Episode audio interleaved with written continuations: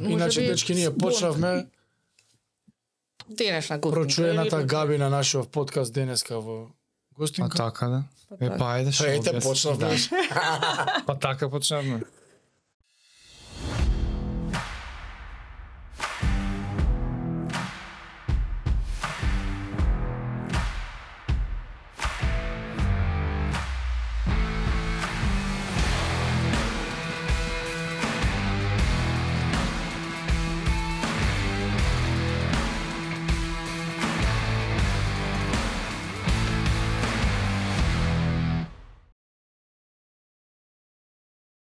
Прочуената Габи. Јас само да бидам а, поформален, Габриела Топусовска, која што стварно ми е драго што си тука, затоа што стварно ти имаме многу пати зборено. Горат ушите преку една епизода. Да, пред да почнеме со мовет, што сакам јас да ти кажам, што не знам дали си го слушнала или дали други луѓе го знаат. Ние како ние, ја и Жаре и множеството спортисти што се онака атлети со над, надпреварувачко искуство, Така. освен тие на телевизија, светските рекордери што ги гледаме, како голема мотивација ни прават и луѓе што се занимаваат со спорт, а немаат врска со некои си врвни спортски резултати, туку тренираат за себе, тренираат за здравје, психофизичко.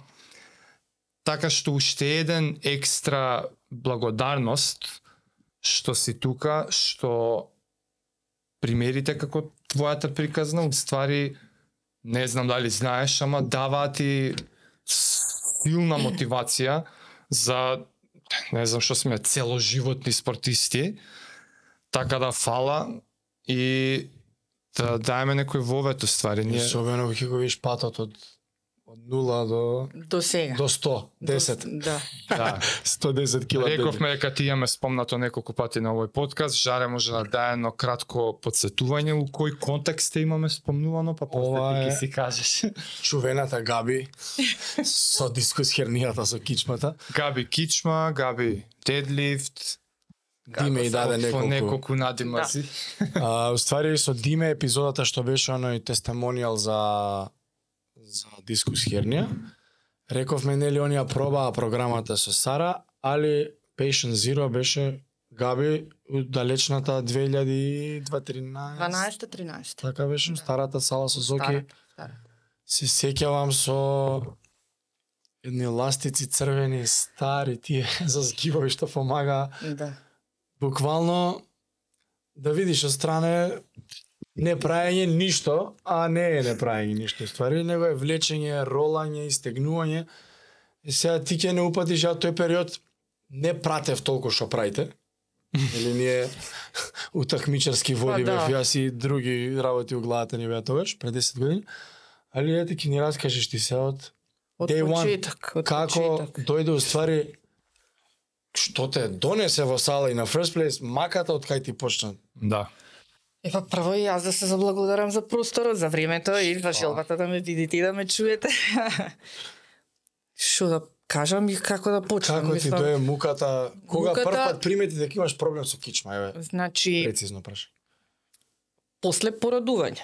Значи, најчесто кај жените, сега јас прво и од моје некој лично искуство и од искуство Така. од пријателки и блиски, а, во време на време, за време на бременоста се нели менува женското тело посебно заради тоа што се зголемува телесната тежина. Со самото тоа доаѓа до притисок во а, тој лумбален предел на кичмата, се шири телото и како си ги ставаш килограмите, како што си се залежуваш, посебно ако имаш патолошка бременост како мене, Аха. Оф, не смееш да се движиш.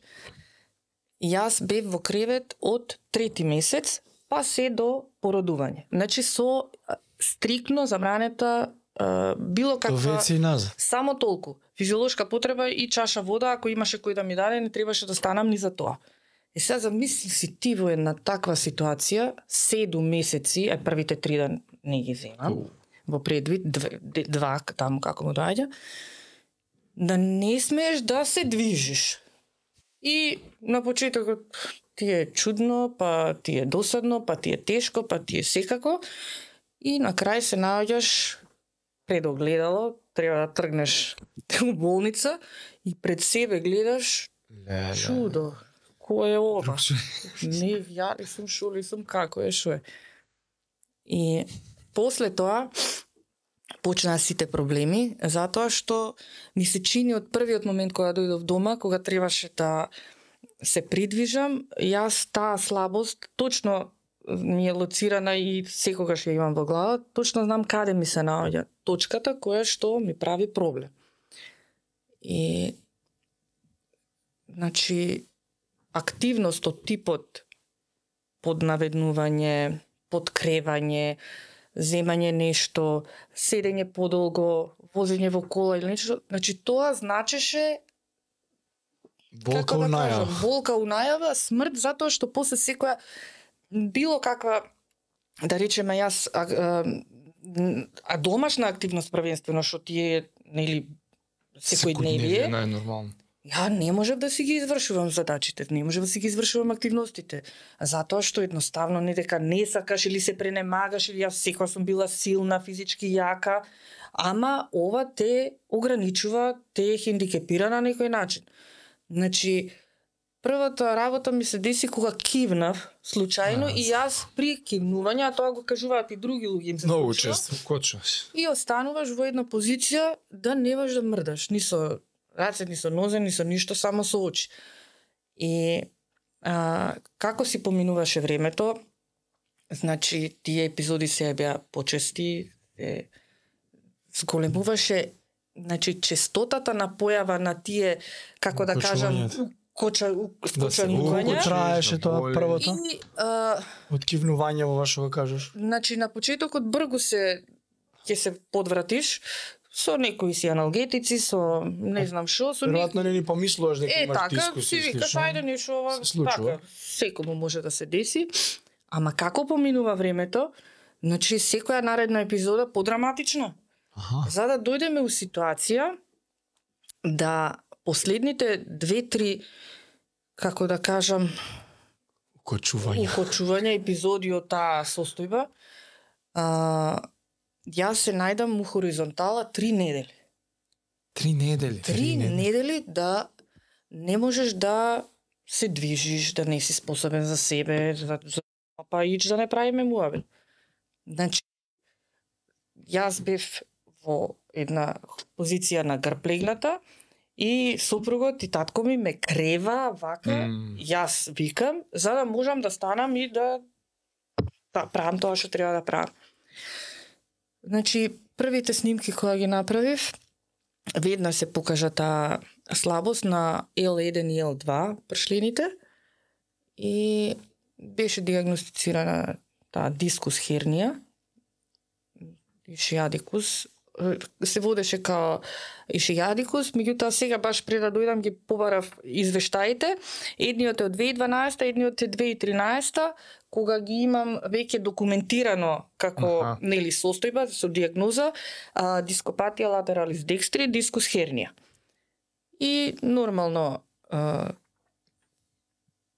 анти, овие аналгетска терапија за болка и физикални терапии. Да, тоа ќе те прашав, дали нешто друго терапии у тоа време ти ништо, ти препиша- ништо не ми препиша, освен таа физикална терапија. Што подразбираше тоа? Па сега од овој аспект ништо. Ја тогаш мислев, масажи, јас тогаш мислев дека нешто ми прават. Ама, уствари мене ништо не ми правеле, туку само ми се влушуваше состојбата. Значи, стегнуваа со Не. струи, со не... значи добивав, мене уствари ме Што е креваше, третманот? сега ќе ви кажам, значи ме креваше а, аналгетската терапија, ова за да те об- Болката да, Да, не е осеќаш. опсеќа. Алгетска е диазапам, тоа е. Тие, а физикалната терапија се состоеше од некои си а, ласер, некоја ваква масажа, третман, кој што нешто загрева, а ништо не загрева, а може и загрева, а пошто тоа вкочането се не се ни чувствува што ти прават. И некакви си перничења со струја кои што според мене само го најверојатно нивната намена е да а, го да го прокрват местото, значи да Циркулација, забрзаат да. циркулација, па да дојде тука знам, затоа што да, тоа е се вкочанета, не знам некои сја магнетни, некои струи, не знам што.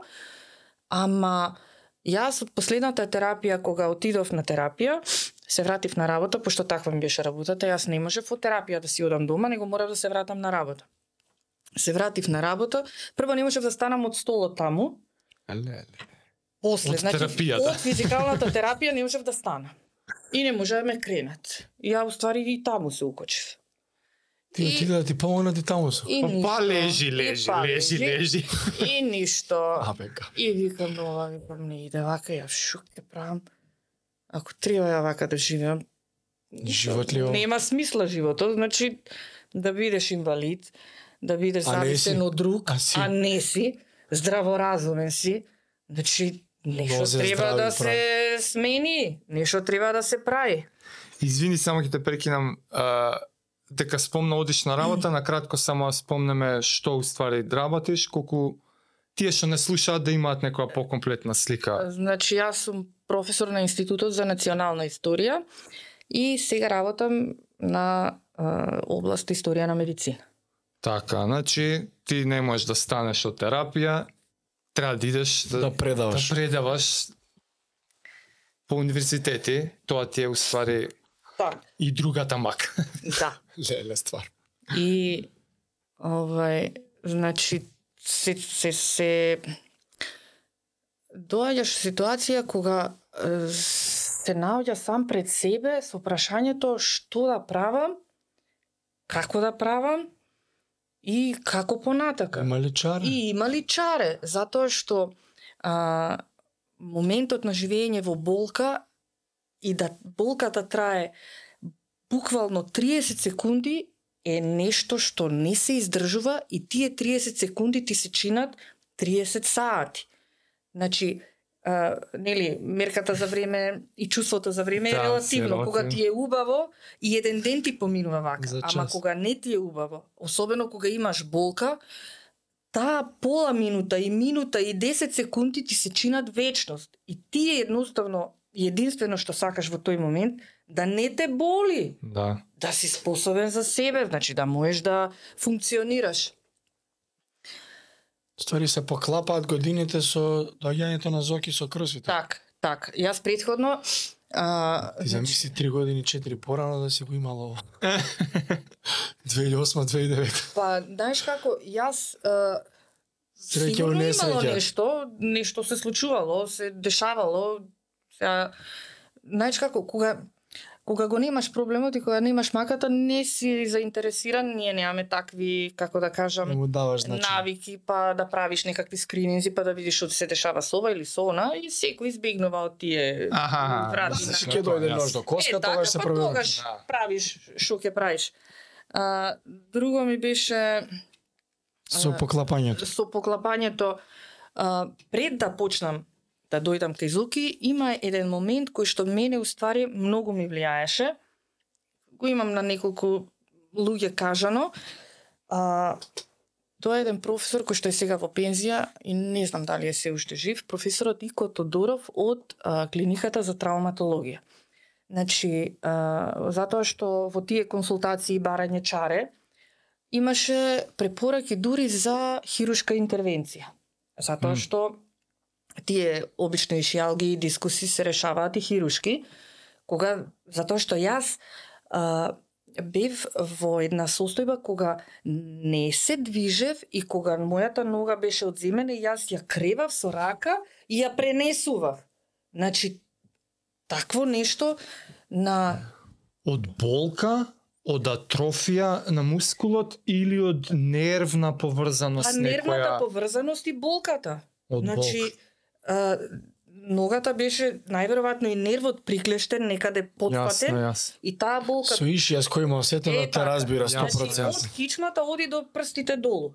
И Ако ја дигнеш сама ногата, ужасна значи, болка е. Со, ногата Ако со таа рака ја крен-. Мораш да сама не може, ја значи ти Да, даваш да, команда, да. таа не се крева, не се мрда. Значи ја креваш со рака и ја префрлаш. И во тие како да кажам консултации медицински каде што имаше секакви предлози, а, имаше и еден предлог за хирушка интервенција. Ама сега да се подвргнеш на една таква интервенција, прво не е толку едноставно, второ разгледуваш, прај се, ние сите веруваме во одредени вредности, во системи, во луѓе, во се, меѓутоа некако јас не чепка бав, не бав доверба не во стручноста на лекарите, туку едноставно во тоа што со мене ќе се случи после тоа. Аха. Затоа што може би тоа ќе се изведе на најдобар можен начин, меѓутоа јас ќе се чувствувам како пола човек како инвалид и ќе сметам дека не ќе можам. Значи сметам дека мора да најдам друго чара и друг пат за да јас ова го решам. Баш ка што они ти викаат, ќе направиме хирушка интервенција, ќе се среди тоа, но тоа не е трајно излекување. Е сега кога некој ќе ти каже дека ќе те оперира, ем не е до крај. а тоа не е трајно, затоа што дискусот повторно ќе се јави погоре, подоле или на истото место, Па Не тоа е фала. поентата, човече. И да се вратам на професорот. Значи, во сите тие лутања, одам јас кај него и а, го кажувам проблемот, гледа на тоа, снимките и вика, ти одиш, движиш, нели? Па викам, еве се пробувам, бе вика со оваа состојба, како и се движиш. Ама тоа што го кажав и претходно, значи си бил и се уште сум, значи цврста, здрава. Сите тие проблеми почнаа после бременоста, што е, како да кажам, честа појава, честа појава Да, да. кај е, женскава, патолошка. женскава популација и плюс патолошкава бременост. И он мене вака ми објасни дека телото е еден систем, односно конструкција од скелет и мускули. Е сега, за да скелетот, коските стојат исправено и да ја вршат својата функција, мора да има мускул. А за да мускулот го држи скелетот, тогаш тој треба да биде цврст. Исто вика како кога правиш вика бетонски зид или некој столб, се прави конструкција од железо и Арматури. ставаш бетон. Да. Е сега, во случајот, нашиот бетон се мускулите. Се додека ти не ги зацврстиш твоите мускули, посебно на ребетниот столб, тој е паравертебрален дел, никогаш нема да бидеш способна за работа и за живот. Единствениот начин од кој што ќе видиш арно, бенефит, корист и ти и сите околу тебе што се поврзани е физичка активност. Тоа ти го Може. кажува Професор на факултетот медицински. И ти од таква состојба викаш, цали си, нормално. Човече, па какви операции, какви... И му кажав, кој ми кажа операција, што ми кажа, вика, операцијата како операција ќе се изведе, ќе се направи, ќе биде најуспешна. И се ќе биде добро. Меѓутоа, кога твојата мускулатура е слаба, кога е млитава, како пудинг, што ќе се случи? Утре пак ќе одиш на операција. И До јас кога? го гледам вака до кога на операции. Не е тоа решението. Решението е физичката активност. И така почнува така ли, молим лепо, ела сега. И јас решавам да го сменам значи, целиот комплетен Лайфстайл. начин на живот, затоа што викам, или ќе станам човек, ќе си бидам способна, или нема да биде ништо од мене, ќе бидам зависна од други луѓе, Ке живоркаш, ќе живуркаш и ќе мислиш дека нешто правиш во животот.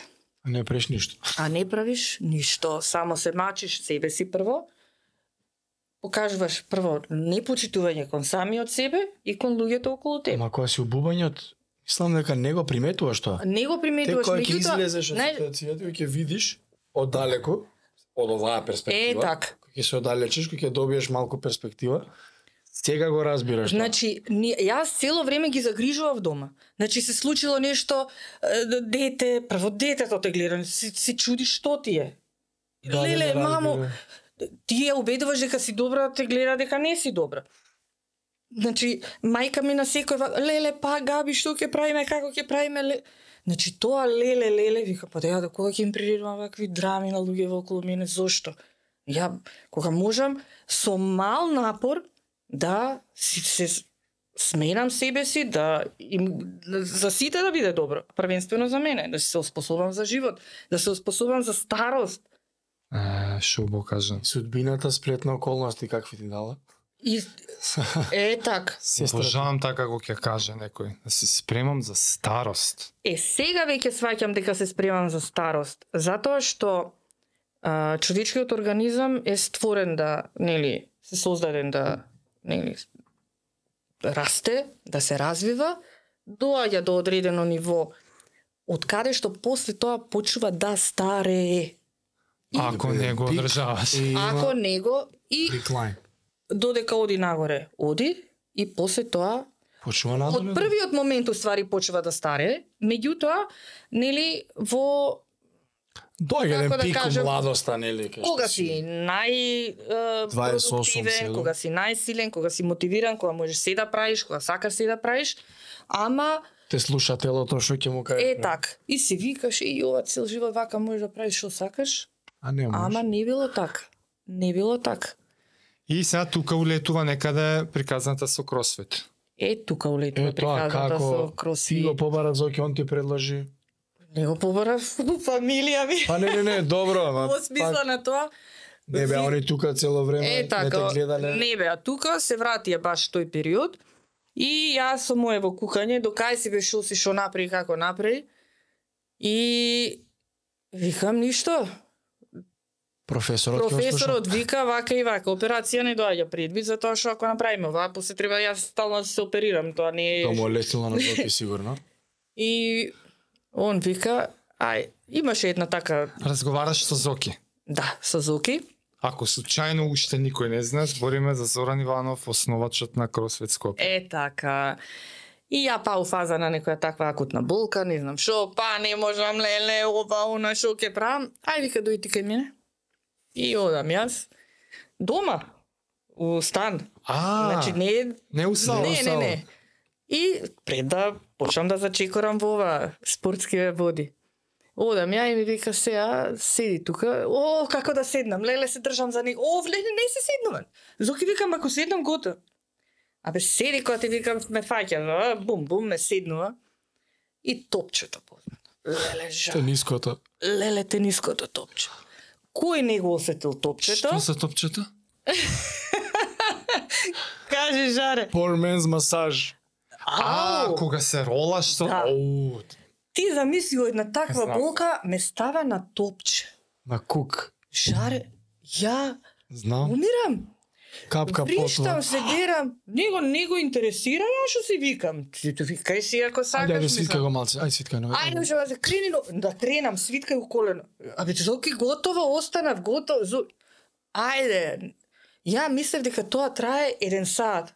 Тоа траело 2-3 минути. Не, не знам ли 2-3 Не минути дали било. времето тоа. А, ти знаеш, ти знаеш, јас знам, дај да подобјасниме малце. Расклопете го малце ова со топчево за некој што не Станува збор за тениско топче, се става во колкот, кај што е тука негде. Глутеалната регија, Да. кај што поминува нервус и шијадик. Так. шест. Ете така. На гъс. Е, Кај што ти ставали се инекции како мало, Е, е, така. кој не знае. И од И седиш на тоа, лежиш на тоа. Седнуваш топчето како што е вака, со тој дел кај што ти ставали инекции, Так. се наденуваш, тој влага, правиш Да, одма, знаеш тачно кај.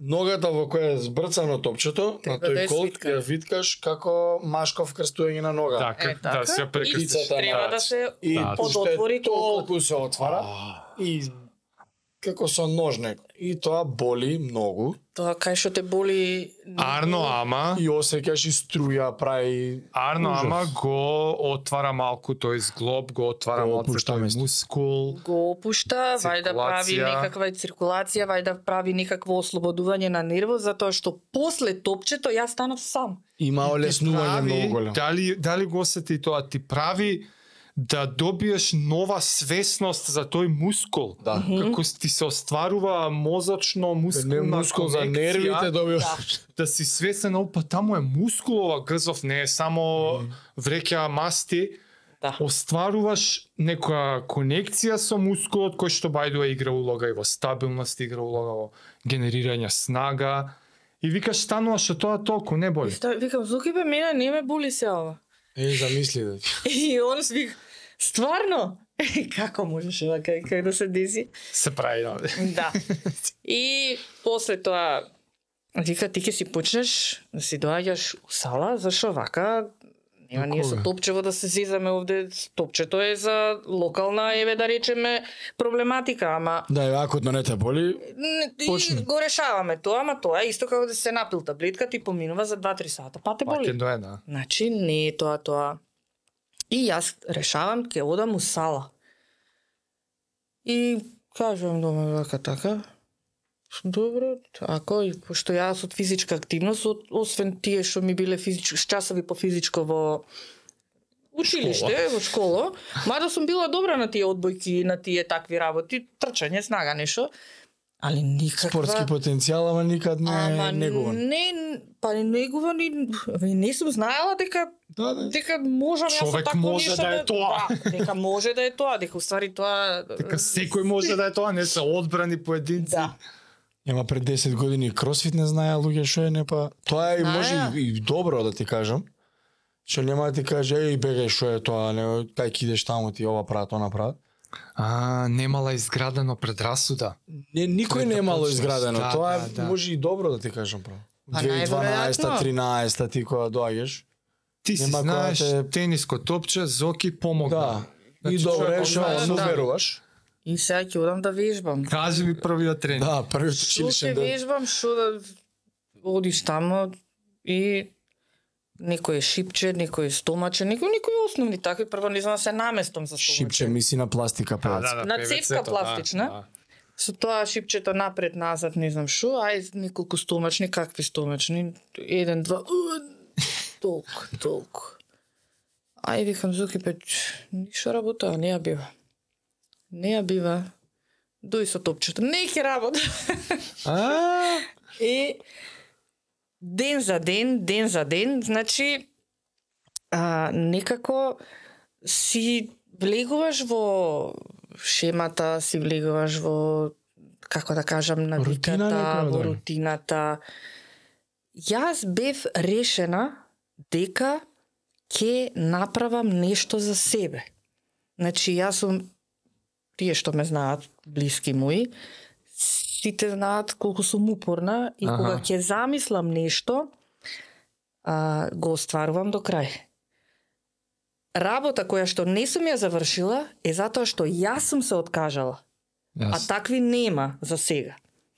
Од како да кажам, приватен живот, професионален живот, сите успеси и патот до ова што сум сега на оваа позиција редовен уни- универзитетски професор, па со издавање книги, пишување работа, сето тоа, значи, па овој момент со вежбањето, секоја нова како да кажам, ситуација ми, пред- ми представувала предизвик. М. И секоја сум влегувала во непознато. Значи јас не знаев што е кросфит, не знаев ни дека постои, не знаев ни од кај е, што е, како е теории, не знам ништо непознато, нити Вежбање. си чул, нити си видел. Ова ќе ми помогне, не ме боли кичмата. Ова ќе ми помогне. Не Ги запамтив зборовите на професорот дека морам да ја затврстам мускулатурата за да застанам на нозе и да бидам способна за себе.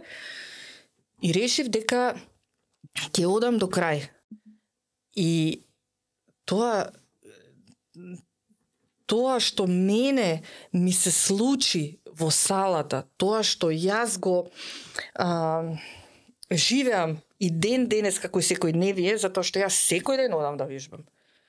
Без разлика на ова кој ќе ми кажат, па Топло, ладно. Топло било, ладно било, штрајк имало, не знам, не знам што имало. Кирка ми кажува, мама, кој ќе треба да оди да вежба, ако има штрајк или блокади или не знам, она се чуди како хеликоптер да фати да отиде. Значи, преку водно одам, значи нема екскюз, освен ако имам, не знам, не знам каква неодложна работа, и да се Што е премногу, што е премногу ретко. премногу ретко и а, се ми е подредено во вежбањето. Веќе сите знаат дека јас вежбам во 4 Аха. и дека А, Не, не ја закачај тогаш. На, никој, ка, на значи кафе не ја тоа е рутина, тоа е тоа е мојата терапија. Како што луѓето си примаат терапија за притисок, за шеќер, за не знам што, јас имам своја терапија, која што мене ме одржува и ден денес. Јас сум комплетно трансформирана. Ја да видите слики мои пред 10 години, тогаш ќе мислиш дека сум имала не знам 50 години. Пред 10 личи постаро него денес. После... Да, да, да. Значи, комплетна трансформација. Значи, не ти помага само физички да зајакнеш, да ти се а, телото регенерира, да ти се прероди, да ти се трансформира, да ти се формира и оформи, туку оној ментален момент, оние животни предизвици, борби, а, кои што, за кои што е потребна голема цврстина, карактер, самодоверба, на ниедно друго место не се гради. На ниедно. Да те вратам малку во тие почетоци. Кога почнуваше, дали во некој момент го почувствува тоа некое чувство на неприпаѓање? Во ти спомнати си немала некое пред големо спортско искуство, освен физичко, предходно во животот, ама па спомнавме и со Жаре па си немала ни предрасуди, никој не ни знаел што е тоа, ама пак во одреден момент дали некои индиректно од блиските или од пријатели или можеби и самата сала кој ќе ја видиш да се осетиш на не ми е местото мене тука, видиш што луѓе доаѓаат тука, не знам, вакви атлети, не знам, онакви. Сега јас жена со кичма, едва се движам. Имаш ли во некој момент такво некое чувство или или некој да ти кажат или како го помина тој почеток, таа прва фаза на тој тотално нова ствар у твојата живот на која што е потребна адаптација у секој поглед. Знаеш како тоа може да се дискутира и и да се подразбере и вака и онака. Јас лично не размислував на тој начин, во смисла на тоа дека ќе отидам некаде, нормално дека не знам каде, а, и дека некој ќе ме прифати или нема да ме прифати. Мгм. туку бев решена да си помогнам себе си, да направам нешто за себе. И јас кога одев таму е, на почеток не можев да направам три стомачни изгиба, не можев да Какви изгибови па ти? Овие стомачни, е, да. И од дома на почетокот им беше чудно да не си направиш првото што ти го кажуваат. А, беле. Ама чекај, кај одиш, што ќе правиш, нема да си направиш поголем проблем, што ќе правиме после, па ти а, знаеш колку ти е нежна кичмата, па тоа испоти се, не, не те жени не спомнуваме тие работи, пошто не знаеме дека постојат. Проблем е да се промаја да испотиш. не те фати. Проблем е да се испотиш. ќе те фати прома, ќе се направиме бињак, што ќе правиме? Викам, шо прават бе луѓе, шо ми зборат? Не, ја морам некако да се спасам, не, ова сега промаја ќе ме фатила, па нека ме фати и промаја што сака, мислам, полошо од ова не може да биде. Може само да биде подобро. Да. И а, с, таа моја упорност, таа моја верба, значи, само таа ме доведе до ова што сум денес. Mm. Значи, единствено ако веруваш дека нештото што го правиш ќе ти даде резултат, ќе ти помогне, тогаш е успешно. Ако мене ти ми кажуваш приказна, ве дојде Габи, па вака ќе биде, така ќе биде, што си збори, да се збориш. Ако да, ти не веруваш, тоа е Ако јас основно. не верувам, нема да, да го отпашеш процесот, што Да. ти стане навика. Ете, уште една епизода, верба процес навики, Да. буквално е така. Така е. Но и така е. Нема друго. Ја од моите први почетоци 2013 значи тотален лаик, значи тотално непознавање за ништо со клинчак, со не знам што. Ја 2018 година подигнав 100 килограми дедлифт. Значи само за 5 години.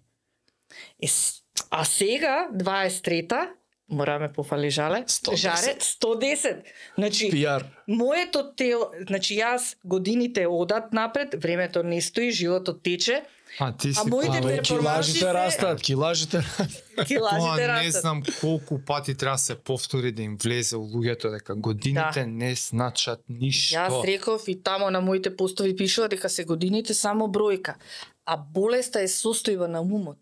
Не може мене некој да ме убеди дека сум болна, неспособна, не можам, ако јас во тоа не верувам. Да. И секоја болест, освен не дај Боже, сега има секакви Така е, ситуации, да. меѓутоа мислам дека доаѓа од состојбата на умот, затоа што луѓето кои што ги поминале патеките низ животот и со секакви ситуации, губење на блиски, болести и се, ако ментално не се јаки, ако не веруваат дека можат да успеат, нема да успеат. Да. Затоа што ова на на максимата на Мухамед Али дека ништо не е невозможно, се е возможно само за оној кој што верува. М. Ако не веруваш, нема. И на крајот на хриштата сега веќе пошто нели за кросфитов е познаат, па се вежба ваму таму наму и кој ќе го спомнеш, и шо е тоа, па како, па тоа не е за жена, па не е за како тоа за жена, за маж, за не знам што, кога се се Што прилагодува на твоите способности. Се соочувала стварно и со такви муабети да, Да. ти доат Абе како дигаш или не знам ќе се направиш ќе се билдер. направиш мускулеста, па ти кичма имаш проблеми, па ти знаеш со ова ќе ќе направиш голем проблем. Мене ова ме излечи, не може ова Да, да, да. ми направи проблем.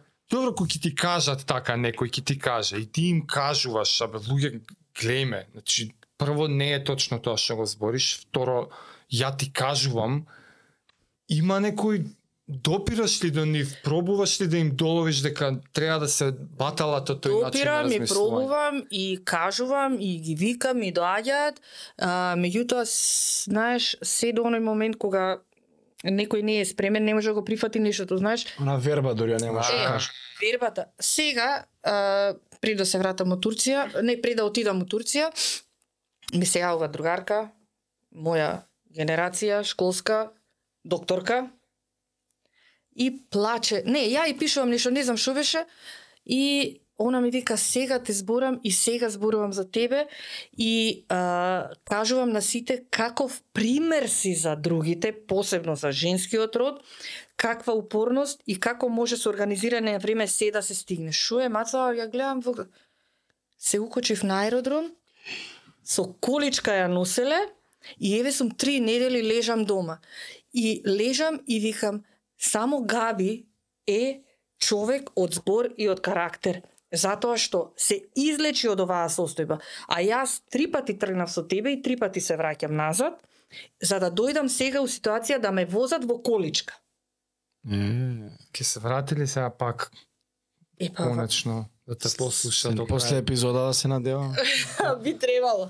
Би требало. кренија од кревет, кренија Е, од колич. И сега што е, сакам една констатација да направам зашто знаеш кој ќе видат готов производ сите мислат ај па добра е лесно. Ова е Габи што го збори 110 кила не е од операција до 110 кила се 10 години овде. Измеѓу. Е, така. Да не се Да, сватиме погрешно. да, те молам објасни го Да не Да. биде како она со кичмата операција и сега дига толку кила, она ќе се повредиш. Не, него она почна со пластика, со топчето кук, па после три склека, три стомачни, па тоа и стана загревање, па доби после да, тоа е процес од 10 години, че 3500 и нешто дена за од операција дојде до 110. И Тие не биле форсирани, ајде бе сега 10 Да. кила доде, него Габи дигнала 40 кила. И умрела од среќа, што вика, леле 40 кила, не мислам дека е возможно. Па дигнала 45, па 50, па 55, а заборави да каже ки 70 кила има бек скват. Да. Тоа збориме скват, скват. Не, До доле. Зимање шипката, так, Да, да, бе, так, да, тоа лесно, со клипови, со докази, све одете на И што е профилот. најинтересно, во категорија со девојчиња бе од 25 години. Молим лепо. И ги Молим лепо. А ја, сега кога кажа процесот 10 години ми дое 10 години подмладување. Е, А така. не, се, не е се тоа 10 години поминати у старост. Ти 10 години подмладуваш. Јас сега кога работам дома и надвори се, значи сите знаат дека се можам и сите ме викат и за носење кривање, за помагање, за прајање, мислам што да ти кажам. Физикалец. Таа ни е клетвата Да, да, да. Таа ни е клетвата. Но што сакам да кажам? Јас кога работам дома кога треба нешто, кога треба да клекнам, јас не клекнам со главата у земја као ној. Ти си жива и здрава. Јас знам како да клекнам. Така, или Кога како да треба да, подигнеш. кренам, е, нели, Кеси, кеси, кога На треба пазар. да кренам некоја си кофа со вода или треба нешто да направиш, јас знам како да го направам тоа. Тоа ти останало у глава, цело време зборење чучни, стегни стомак, Браво. дигни. Значи, Бра. ова што го зборевме, се спремаш за секојдневните сите движења имаше една епизода Жаре збориш, сите движења се пресликани во секојдневниот живот. И носење кеси, крениш и влечење, и одење. Да, да, Значи, да. ние кога искачаме од продавница, ја по дефолт зимам кесите, одам и сите по мене, и више ќе доаѓаме пред зграда да е на кеса ще срамота од комшиеве сите кеси. Ја не приметувам дека ги носам кесите, Не ама си, ама така е. Рамнотежа ми држи. Да. Е, преска, извини само за кола, дорбевме за исхранавање или спомнавме нешто. Реков, кјути не ми кажи, ќе оставиме за епизод. А, да. Често луѓе што имаат мака со дискус херни и проблеми со кичма, им викаат, почни да вежбаш да ги зајакнеш мускулите и намалија килажот, односно ослаб. А, како тебе ти се случи тоа? Зашто ми е бледо низ процесот, не се сеќавам, али во задње време, или ти кажав кога се враќа Турција, ослабена си нешто. Што правиш сега поразлично од тој поглед? Тогаш Се поразлично. versus сега. Нутриционистички? Не. Сама си открив. Не мислам ствари. тоа на Да, да, на тоа исхрана поле, мислам. на тоа Да. поле. тогаш мислам дека не ти ни беше у памет крана пазење она да не Какво пазење, дај кичма да не ме боли. гледање, мислам, не знаеш Или после е. апетитите растат. Ај Е, се да. кичма да средишме, дај сега Да, малце. да сега се- е нешто И друго. прилагодена си сега малце И као... кажи колку кила си ослабена тотал. Тото 10-12 кил. Значи веќе у продавници се случува се нели пазариме облека секој кај некого кај не знам што и во тој бутикот кај што па кога влегувам па најверојатно сега е повидливо, не знам зошто. Добро, чујте, што си направила, како си направила или кој немате види некој подолго време. Па невозможно е. Абе, се е возможно, се е возможно. Значи, оној дел околу исхраната, јас секогаш сум сум мислела дека сум таман, дека сум слабичка, дека добро изгледам. Кога ќе направам споредба сега слика некоја фотографија, плага пукаш. не знам дали не ме касале оси или сум се надула од нешто, немам појма. И сум мислела дека здраво се хранам, правилно се хранам, здраво може би сега што е здраво сите знаеме сега, ама тогаш или немало толку информации, или не сме биле заинтересирани да дојдеме до тие информации, пошто тоа не ми било фокус, не Да, ме интересирало. Ни на крај памет. И сега ќе се замарам јас, што ќе јадам, како ќе јадам, колку ќе јадам. Пробував јас, е, како да кажам, одредени начини на исхрана со ваква рестрикција, со таква рестрикција, со ограничувања, ама не давало резултати, се додека не сватив дека Уствари, секој си го препознава телото, си го знае со текот на годините, знаеш како ќе ми реагира на ова, на тоа, на не знам што. И а, јас сватив дека уствари можам се да јадам, меѓутоа битна е количината. Мгм. Се што правиш во животот, кога правиш дозирано, одмерено, тогаш и ќе даде некаков резултат. И а, последниот период почнав со фастингот, што за мене мислам дека е Постење. да. Гледал една епизода на YouTube. А, почнав со фастингот, да. И стварно даде сериозни резултати. Со тоа што прозорците што си ги определи, секој според активности, според обврски ќе си ги определиш прозорците. И сега сум веќе скоро, па скоро три месеци. Три месеци, а? Да, на омат. Еден оброк. One meal a day. Yes. Nice. Да. Да. Вау, браво. И така функционира убаво. Толку е добро, толку е Значи оброкот мој е, е саат време после тренинг и толку. Тука Мора да подобјасниме, оти често не критикуваат со англицизми и да преведеме дека станува збор за one Еден- meal a day, еден, еден оброк оброк дневно. Толку. Да. А тргна приказната од тоа дека си почнала со оно што е intermittent fasting, Да. што како го преведовме ние тоа што интервално постење. интервално, интервално постење, баш постење. интервално каже. постење, не знам, во прозор од толку и толку сати, Осум. можеш да јадеш, обично 8, Од 8 до 6. Значи има за почетници 10 часа се дозволува, си го пределуваш во тоа еднодневно ќе од 24 Да. часа, колку часа можеш да внесуваш храна, колку не и најчесто се е таа тој прозорец од 8 часа, да речеме од 10 до 6 Да. или за- што е 16, да, 16 сати не јадеш, 8 јадеш. Осум Тоа е јадеш. најчесто. Најчесто така и е сега кога јадеш 8 сати, не. Да, да. Ама тоа не значи дека во 8 сати ако седнеш Значи во тој временски интервал треба да ги внесеш оброците кои што ти се Така, предвидени за денот. Ако е ти сега временски Ти интервал, така моли почна? По, Јас- поумерено. така почнав. Ја од секојаш, ја што викам цел живот на диета, цел живот дебел. Шо грешам, кај грешам? И се гладна. Че цело време гладна. Ама викам не се најадов, викам шо се деси овде? Доруче кисело млеко, ручек една вода. Ништо. Не смени нешто значајно во што јадеш. Сменив. А и, и тука малце има промена. сменив и тоа многу сменив. Значи последните па скоро година и пол две а, почувствував дека значи јаглините хидрати, белите пецива, тие шекери, тоа лебови, тоа толку многу ми смета Да. и е главната причина за нели сколевена телесна тежина, Калорични се. масти, е така. Зашто тоа се празни калории, ти го ќе купиш сабајле гиврече јогурче, најте, најлесно ти е, помину спад, купи и зеди го.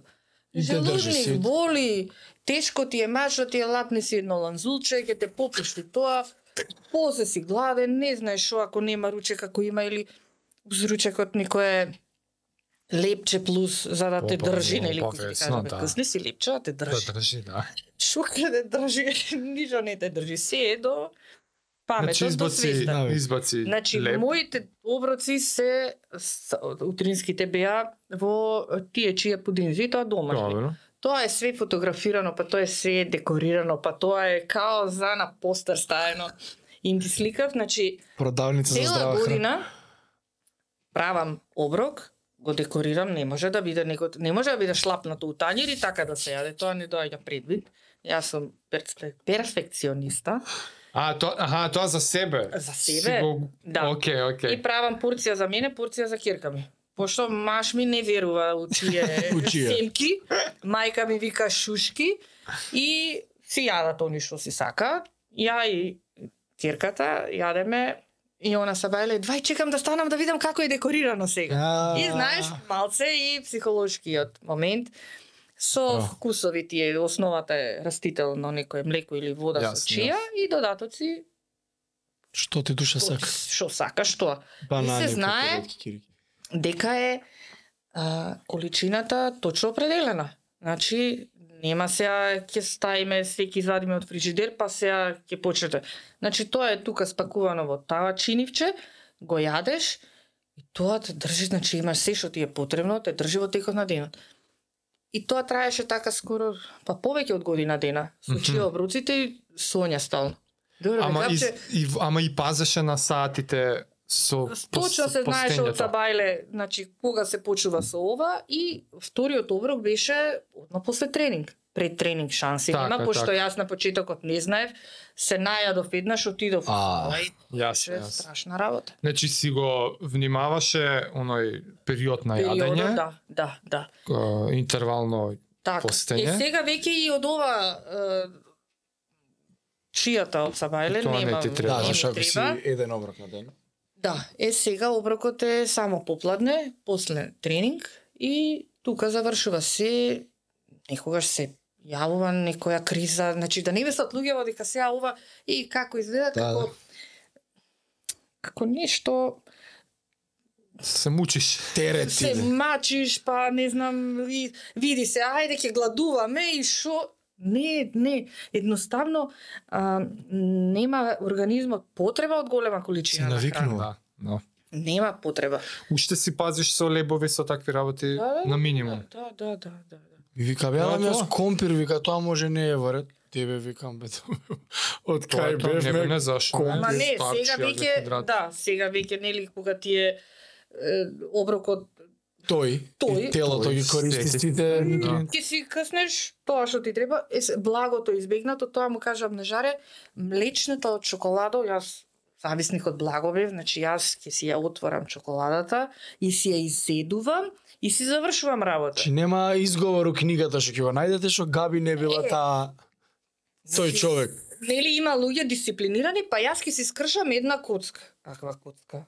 Ти си ја маше цела? Абе, си ја А, отворам, си ја изедувам и толку после си гледам телевизија, значи си уживам. Сладоледото учинивче после. Не Ама учинивче, сега го- директно од централа, како учинивче. Го немаш ни нагонот веќе, така? Немам. Не, немаш ни Пробав, желба. пробав пред два-три дена имаше на маса, си стојат тука бомбони, чоколади, си стојат детево, јаде, Да ги учи, троши.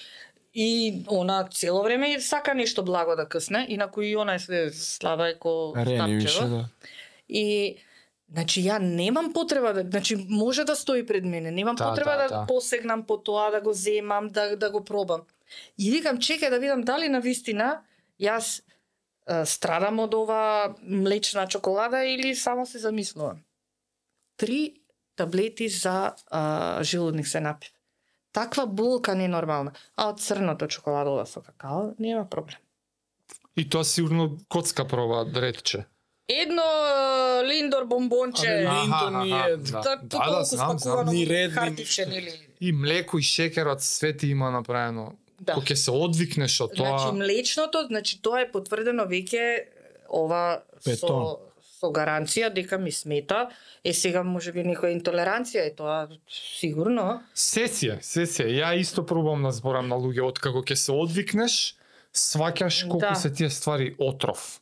Да. Да. Отров човеч, тоа е ти да треба Отров, да пиеш последно, значи ти си отруена. Точно. Мислам са нормално малце претерувам со зборот, ама Ама ако ти прави толкав дискомфорт, значи тоа не е уред. пак зашо го Не е, да, зашо ама и апчиња да поголемо пиеш. што треба, значи зашо па нема потреба. Еднаш ќе пробаш два пати, три пати, пет пати и ќе сватиш дека ти штети и сега не можеш со сила да На тренингот не ти влијае, нивото на енергија ти е исти, Не, снагата не, ти е таа, не, не не. осеќаш слабост некоја. Па еве, сега после три недели пауза, доаѓам у понеделникот, викам жаре, ја денес прв ден после три недели, немој да ме форсираш, не бе како ќе те нема да те форсирам цела од А до Ш ќе си ја изработиш вижбата. И мислам телото си памти, мускулот памти без никаков проблем. Е сега тоа воспаление што се- го добив, затоа што јас и тамо не Нормално е тоа. да, не седев, не Не и треба. Три не, две, три недели у Ти годината. активен треба. одмор шеташ. активен одмор, меѓутоа ништо не е како чувството кога ќе се вратиш од сала. Ништо не е. Оние вежби, па се осеќаш препородено, се осеќаш убаво. Јас кога ќе се вратам, кога ќе ми речат како имаш време за се. Значи мојата моето секојдневие се знае рутина. Работа од работа дома да направиш нешто на брзинка, да им сготвиш, да им оставиш. У 4 сат се знае каде од сала, значи јас се враќам товарена, нема јас со торбичето до, значи купи ми тоа, купи ова, земи, земи и со А, на 300 враќање. кеси. Финишер правиш уствари. Обавезно, да. Фармерски ери. И е, Да, така, да, да. доаѓам, спремам ако е нешто по комплицирано за ручек, го спремам од вечерта за утре дента. Средувам по дома, да соберам, да средам, да сепак си домакинка, жена, мајка, треба да средиш по дома, да испереш, да пружиш, да собереш, да здиплиш, да направиш.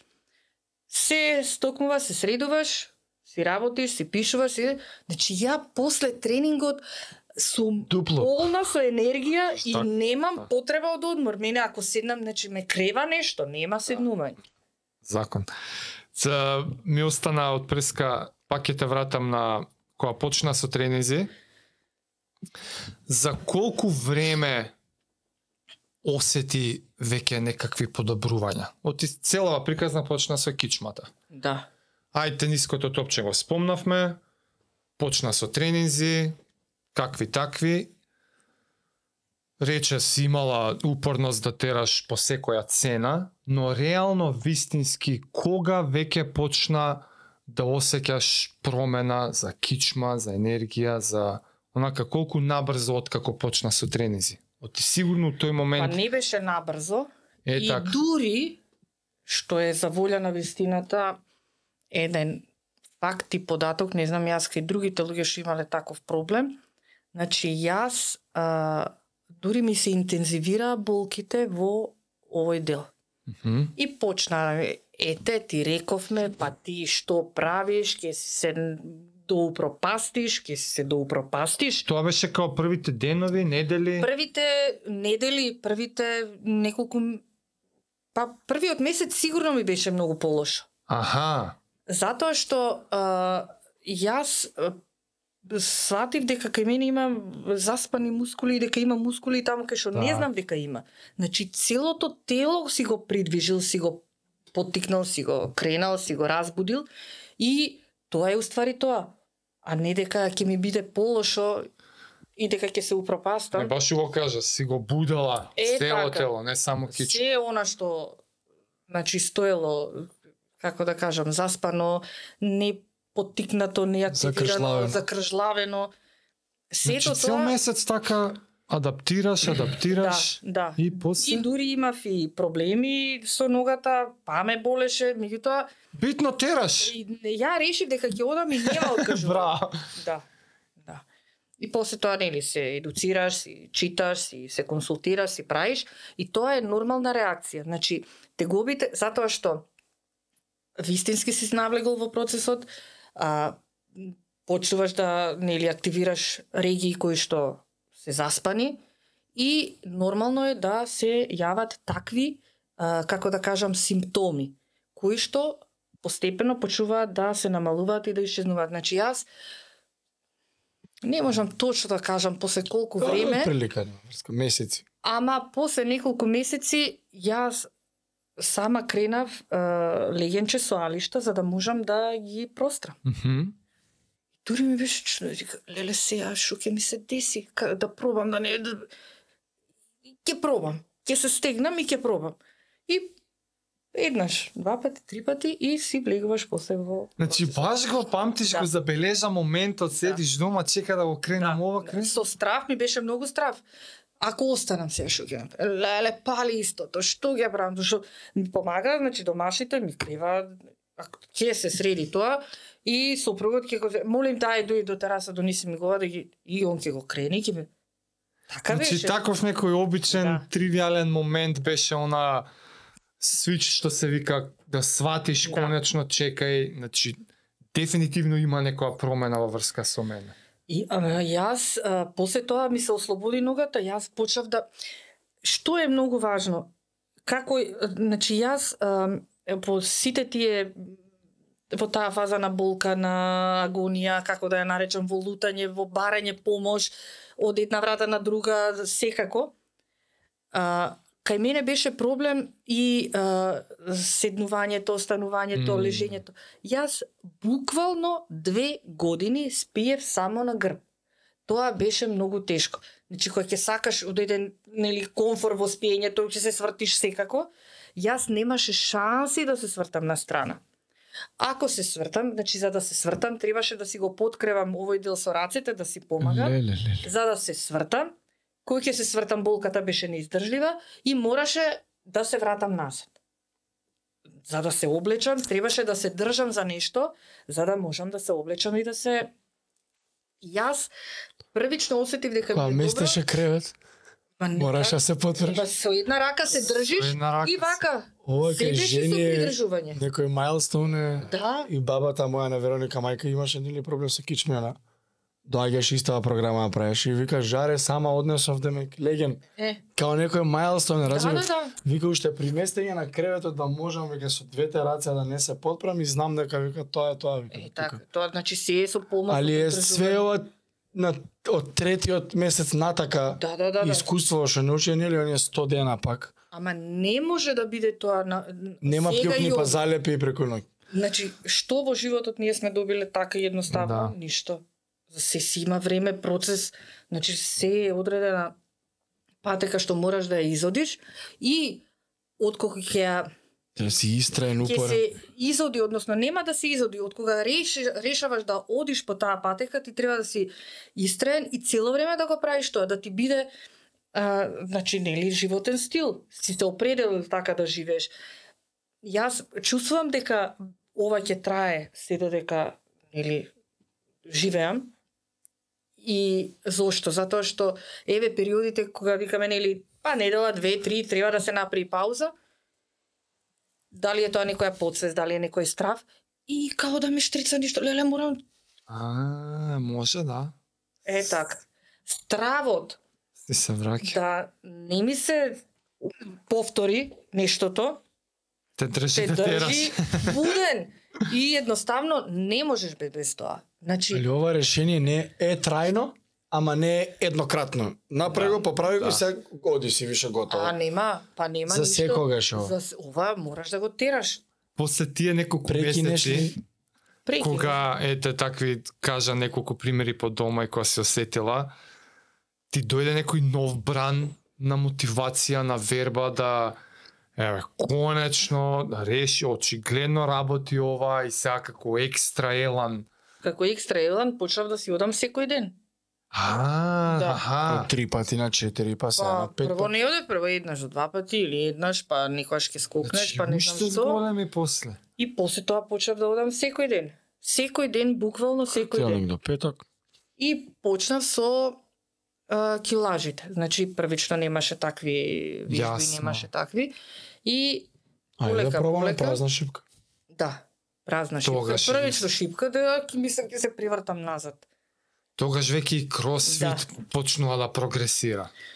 Така е. Точно. Од пластика на шипка, од Да, шипка да, на две и полки. Во старата сала кога бевме, овие што си отидоа во Грузија, во ги имаме на слика во Бојана и Бојана. и како се? Значи, имаше еден момент со дечко во репчето. што ни го наб... Е, Ете. репчето.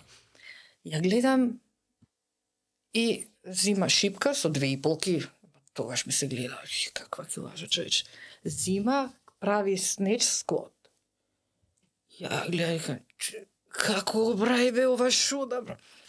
И викам, ја ова морам да го направам. Еднаш да успеам и ќе бидам задоволна. Значи тоа ми остана во како некој предизвик која ја гледав незе како работи, каква каква е убава извајана, како какво држење има. Ја сирата со таа пластиката со носот напред ќе абе назад крени дигни пети чучни дигни пети. Овај дигни прсти. Како да дигнам паѓам или назад или напред нема. И тоа стоја точно а, во старата сала, нели, вака како што беше долга. Ја ја гледам и викам, леле, чо... а мислам дека има и таква една слика, Има. нели? Има. Тоа ми е момент кој што ми остане и викам, ова морам еднаш да го направам во живот. И сега, А сега си го правиш вака. сега веќе. сега други тебе те гледаат и вика мора како габи да нас. Сигурно. А многумина ми рекле. Сигурно, да. Сакам како тебе да бидам. А ќе бидеш ако бидеш, Браво. планиран. Браво. Да. Што би си рекла на себе, на Габи пред не знам колку години, ама Габи во детството, Габи во рани 20-ти, Габи во бременост, Габи Габи пред да почне со овој лайфстайл. Што би си рекла на себе си од тоа време, а со тоа на еден начин и уствари упатуваш и некоја Порака. порака, до луѓе што може би се во слична ситуација. Што, што би рекла? Знам што да им порачам на луѓето, а што би си рекла себе си, зошто порано не сум почела да, да го правам ова? Зошто порано не сум се заинтересирала за себе првенствено и е, да не ме натера потешкиот начин на живот, не ме натера маката, болката, нели, Мм. да почнам да се занимавам со ова, туку едноставно затоа што тоа е нели дел од нашата култура, традиција, живење.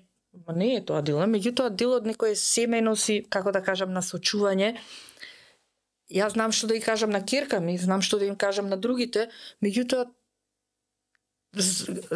сум можела многу порано да се заинтересирам, сум можела многу порано да почнам, сум можела многу порано да ги почувствувам сите бенефити од ова што сега го живеам, затоа што јас сега живеам а, здрав Нов живот. нов живот, здраве, јас немам болка.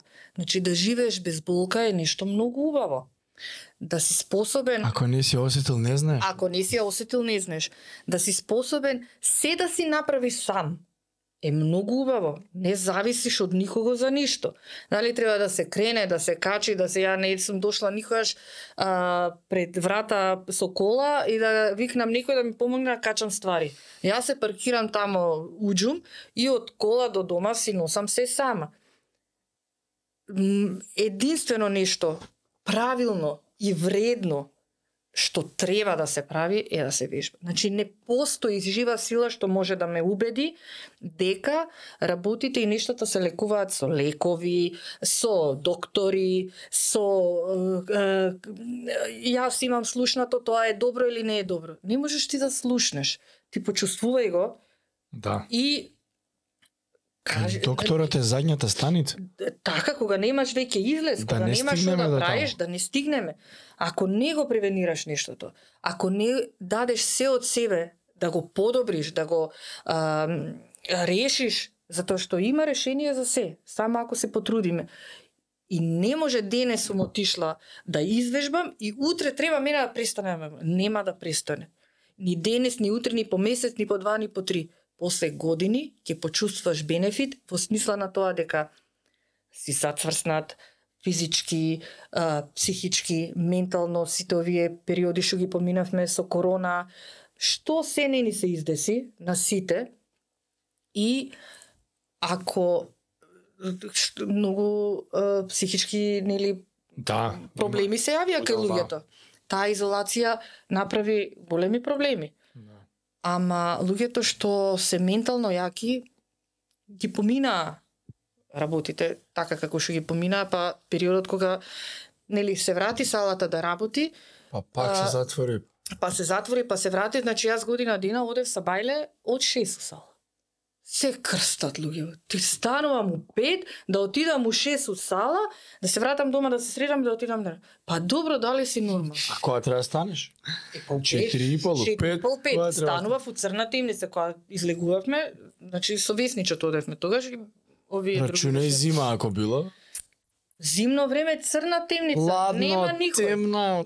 Ама да станеш од подјавен. ја во ниеден момент не помислив дека ја ќе паузирам, ќе се откажем, значи само барав Да бе, не е опција, едноставно не е опција. Не е опција откажувањето. Значи опција е да најдеш опција како да отидеш Е, и да го е. завршиш нештото, а Околу, не да се преку. откажеш. Никако, никако. И се може да се мислам дека спортот е реш... кој секој ќе си одбере што му лежи, што му одговара. Јас мислам дека од ова нема подобро ништо, затоа што опфаќа се што можеш да замислиш од една, како да кажам, а, Физикус, не човек. физичка активност и никогаш не ти е досадно, секогаш е различно, секогаш кога одиш си викаш шо ќе видам сега шо предизвик, перформансите се зголемуваат, капацитетот ми е зголемен, ни со трчање не сум можела да трчам, не сум можела да ро, ровер. Дајле 8 калории, леле жаре, дај со 3 да се погодиме, не ме. Сега 150 калории ги правиш у серија, значи не може е, трчањево, жаре два круга. Како бе рече два Еден да одам, шест да трчам, еден да одам. Да, Може. наместо Пазарење, пазар. Абе, секој, секој тренинг беше пазар. Ама не се откажав. Нема Браво. зашто да се откажам. Како ќе се откажам? Сега 16, 16. Само сега 8 више. со 8 или еден правец, нема Да. Волим леп. колку брзо. И, ако си го пронајдеш лекот, тогаш животот ќе ти биде поедноставен, поубав, полесен и ќе бидеш задоволен. Сето она што го правиш како активност се одразува и на, како ви каже Зуки, физичкиот изглед е само бенефит, тоа ти е гратис, ти е. Некој оди плаќа да слабе, да не знам што. Не бе ти овде плаќаш или одиш или се трудиш за да бидеш здрав, да можеш да се носиш со животните предизвици, да можеш да се носиш со периодот кој што доаѓа, тоа е старост, сите одиме натака, Да. никој не оди наназад, Да, сите одиме млади, млади. нанапред. Е сега, за да можеш да си способен, да си витален, да си активен во зрелите години, како да ги кажам, ќе си го правиш ова што си го правиш. И успат сите ќе ти завидуваат шу, шу изгледаш и шугаво, па ја немам обличено дводелен костим, па не знам од кога, од дете. Така ли? И тоа е нешто што е убаво да го чуеш дека и добро изгледаш и дека секоја чест на упорноста секоја и јас секогаш викам ајде те зимам. Јас секој ден поминувам од тука, ти само симни се пред зграда, те качувам кола и ти ја те вратам. Значи ништо не треба да правиш. И Ама одма, бе, се ама бе, имам уморна од утре- работа. Ама ти можеш да бидеш и уморен и дома ако седиш. Да. Значи не е работата во работата, изговорот секогаш можеш да го најдеш за да не правиш тоа што ти е потребно и што е корисно за тебе. Е, ама за на 65 да си у, нели, узрелите години Е, така. добар, треба на 30, на 25 20-30 години до тогаш да го правиш ова што Да го правиш ти, Да. за тогаш да осетиш бенефит од Да. Баш убаво, баш. Ја ти кажав и на почеток, многу ми се свија кога а, приказни како твојата се се отвараат луѓето да ги споделат, затоа што е друго кога ќе допре таа приказна кај други луѓе од некој што поминал низ тоа.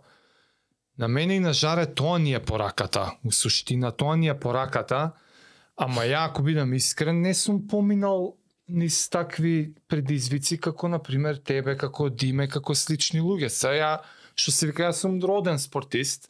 Да. 40 години само спорт знам. Ја ги знам сите бенефити, ја пробувам да ги со Жаре, тоа ни е целта, ама и сваќам кога некој што не е таков, ќе не чуе, да бе, вие не знаеш, не си осетил дискус, не си осетил, не знам, двосменска работа, тралала. И за тоа, фала ти Ептен, се надевам од Ќе твоите допреме. приказни, од твоите примери, од твоите зборови, ќе успееме да уште поише луѓе да допреме, така да, а плюс што даваш мотивација. Мене ми даваш мотивација за наредните 10-20 години да си продолжам. Не ми треба надпревар, не ми треба ништо освен здравје и тоа. Зашто тоа е тоа? Зашто тоа е тоа? Да, кој, уште ова да кажам ако сме веќе Не, не кажи. а, нема, не, како да кажам, нема вистинско време да почнеш. Нема од, определено Да, да. не е определено а, а, со ништо времето кога ќе почнеш да се занимаваш со а, спортот. Затоа што ќе рече некој, е, сега ли ја топрава ќе почнам? Е, сега, Да, да, кај на можам 40 јас на 50. на 40 на 50 години да почнеш да се занимаваш со спорт. И такви примери има. секогаш можеш да почнеш. Јас не почнав во а, цветот на младоста. Јас имам 50 години. Да. Јас почнав на 40 години да вежбам и да работам. Тоа секогаш е добар момент. Значи, а, меѓутоа мене никој не ми рекол дека кој ќе кажам 50 50 години. Не, лаш. Ја што те знам сега не знам дека имаш. Е, Жаре стално, ајде гапче ти се 35 40, жаре какви 35 40, сега молим те. Ја не е кеф, не е убаво А, за години се збори. Ама тоа е поголем мотив на луѓето, да знаат дека секогаш можеш да почнеш и едноставно а, И лични да правиш. и лични да и, и ќе те трансформира многу. А, прошиот пат со Весна вежбаме, ова девојчица една убавка симпатична што доаѓа со репче. О, не знам како се викаш. Не, не можам да се сетам, нешто правиме. Јас Што правев? а, рол а, и имаше една тимска. Добро? Имаше многу рол, 5000 или не знам колку беше рол и имаше некои Тоа бучи. е Се вежбата. Е, не знам што беше, значи 5000 тоа рол не сотре не Заедно стина. требаше сите да го поминете. Е, така. И не знам, правиме, а, и се, па супер сме постигнале вамо тамо. И не знам што беше коментарот, и викам, чекай, колку години имаш? И она вика 25. И она вика, а вие? А Весна вика, ние 100. Стои нешто. И ја И она, ние вика имаме 100. И две. Весна, 52 плюс 5. Весничот. Јако. И тоа ме... И она вака гледа. И јас сакам како вас да бидам, кога ќе пораснам. Ќе Така е, бидеш? Така. Значи, За стварно... 25 години. Али тоа беше, ама кај текна, не, 100. Така И две. Со 110 личен. Да. Браво, браво. Фала ти многу за оваа приказка. Се најдобро, продолжи си. Не мора да ти кажам продолжи си, ки си продолжиш. Тоа, не тоа не може сумнено. никој да ми забрани. Ширија пораката што повеќе и тоа сум сигурен дека шириш, водиш со пример. Тоа е тоа. Сакам да допре до што поголем број на луѓе да биде еве мотивација, да биде инспирација, да биде предизвик, барем да почнат. Кои ќе почнат да останат одреден период во тоа, во Да дадат приказната, шанса дека е, ќе да дадат шанса и после тоа да стане навика. стане навика, дел од секојдневие, дел од рутина и да не можат без тоа. Кои ќе отидат негде да едва да чекаат да се вратат за да си се вратат во сала. Така. Тоа е тоа. Толку. Thanks Габче. Фала на вас за времето и за просторот. Фала. Поздрав. Чао. Чао.